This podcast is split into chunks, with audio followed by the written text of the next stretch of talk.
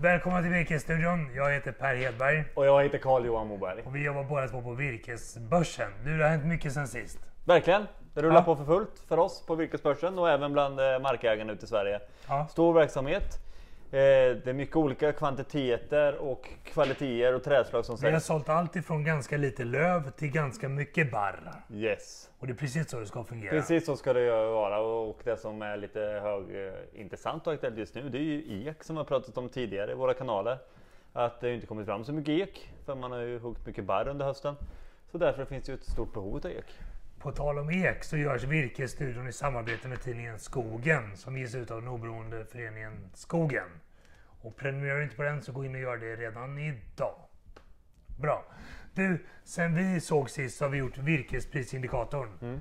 Och det är en indikator som baseras på makroekonomiska indikatorer som tillsammans kan visa vart virkespriset är på väg någonstans. Och i december såg vi att den liksom planade ut efter att ha sjunkit sen i sommaren 2018 egentligen. Och sen så har det gått upp lite grann nu senaste månaden. Är det någonting vi känner igen i det här att det går lite uppåt ändå? Då? Ja men det måste jag säga för att när vi, vi har ju dagligen kontakt med väldigt många köpare Ja. runt om i Sverige liksom och det finns ju ett, ett, ett, ett större sug nu än vad det var innan jul. Ja. Det är ju tydligt.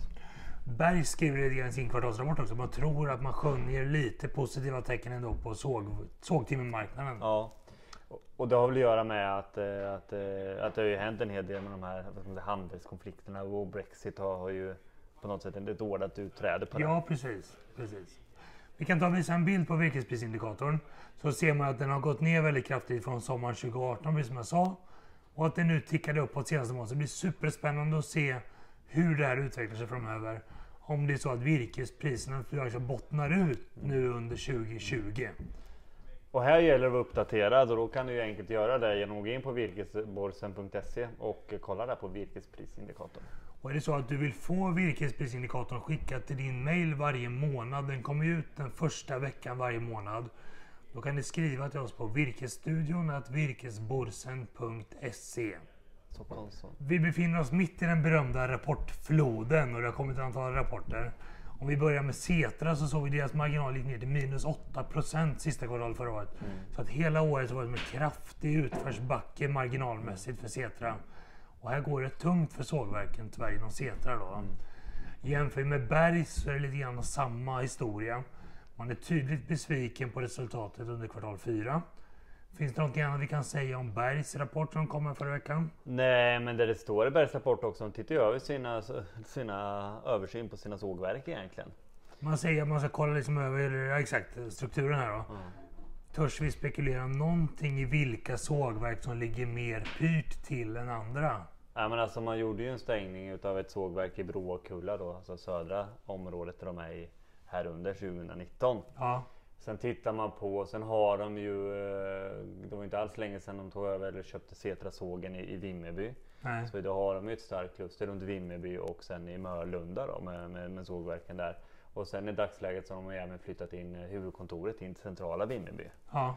Så att eh, ja, mer än så kanske man inte ska spekulera i den här frågan. Nej, det är nog kanske olämpligt. Och sen samtidigt så vet vi att de har ju en fin verksamhet borta Baltikum också Ja. och bredda sig. Sen jag föddes har antalet sågverk i södra Sverige mer än halverats. Tror vi kommer att se ännu mer stängningar även efter Bergs omkonstruktion? Nej men alltså man hoppas ju inte det. Eh, men risken är ju ganska överhängande. Ja, Att man inte orkar hänga med de här mindre familjesågverken. och jag tycker att vill du gynna de mindre aktörerna, se till att lägga ut ditt virke på virkesbörsen så att du når alla potentiella köpare av ditt virke. Så att vi får så många köpande bolag som möjligt av vårt virke i Sverige. Ja men precis. Sveaskog har också visat sin rapport. Och de, de är fortfarande väldigt positiva i sina tongångar. Men det är ändå en tydlig försämring. Och jag tänkte bara visa en bild för intressets skull. Jag tycker det här är eggande intressant. Virkesprisindikatorn följer väldigt väl lönsamhetsnivån både i Setra och i Sveaskog. Tittar man på Sveaskog så gick deras marginal upp väldigt kraftigt kvartal 1 2019. Vilket betyder att man fick upp virkespriserna under det kvartalet. Samtidigt så gick konjunkturen ut för om man tittar på virkesprisindikatorn. Och tittar man på Setras marginal så har den liksom urholkats successivt. Så att lite för sent fick skogsägarna upp virkespriserna.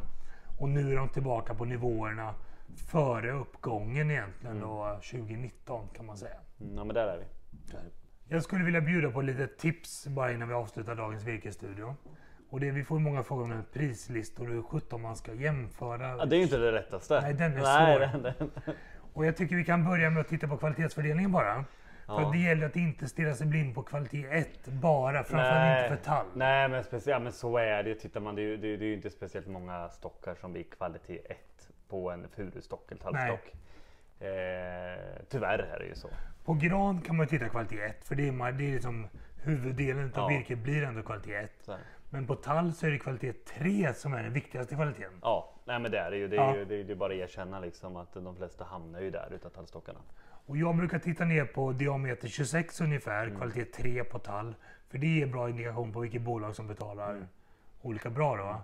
Men vet man om att man har ett klenare bestånd ska man titta längre ner på Ja, listan. exakt. Har man grövre bestånd titta längre upp på listan. Det tycker jag är bra. Och det här är ju också en tanke man ska ha i själva brukandet av skogen också. För det är klart att man vill ju ha stor och fin skog. Men Ja. alltså vi ser ju på listorna liksom när det blir grövre skog då går, då går ju priset ner. Ja. Så här gäller det att vara aktiv och avverka skogen i rätt tid. Exakt. Och är det så att du känner dig osäker på det här med virkespriser och gå in och jämför på virkesbörsen. Och har du frågor så mejla till oss på virkesstudion virkesborsen.se. Det här är verkligen en djungel med virkespriser. Ja, nej men det är det och vi försöker hjälpa alla så mycket som möjligt Ja. för att hitta rätt i det här. Du Karin, jag tycker vi rundar av där för idag. Vi rundar av för idag och vi återgår till vårt arbete att prata med virkesköpare och skogsägare. Vilket vi tycker är väldigt roligt. Det är bra. Tack för idag. Tack!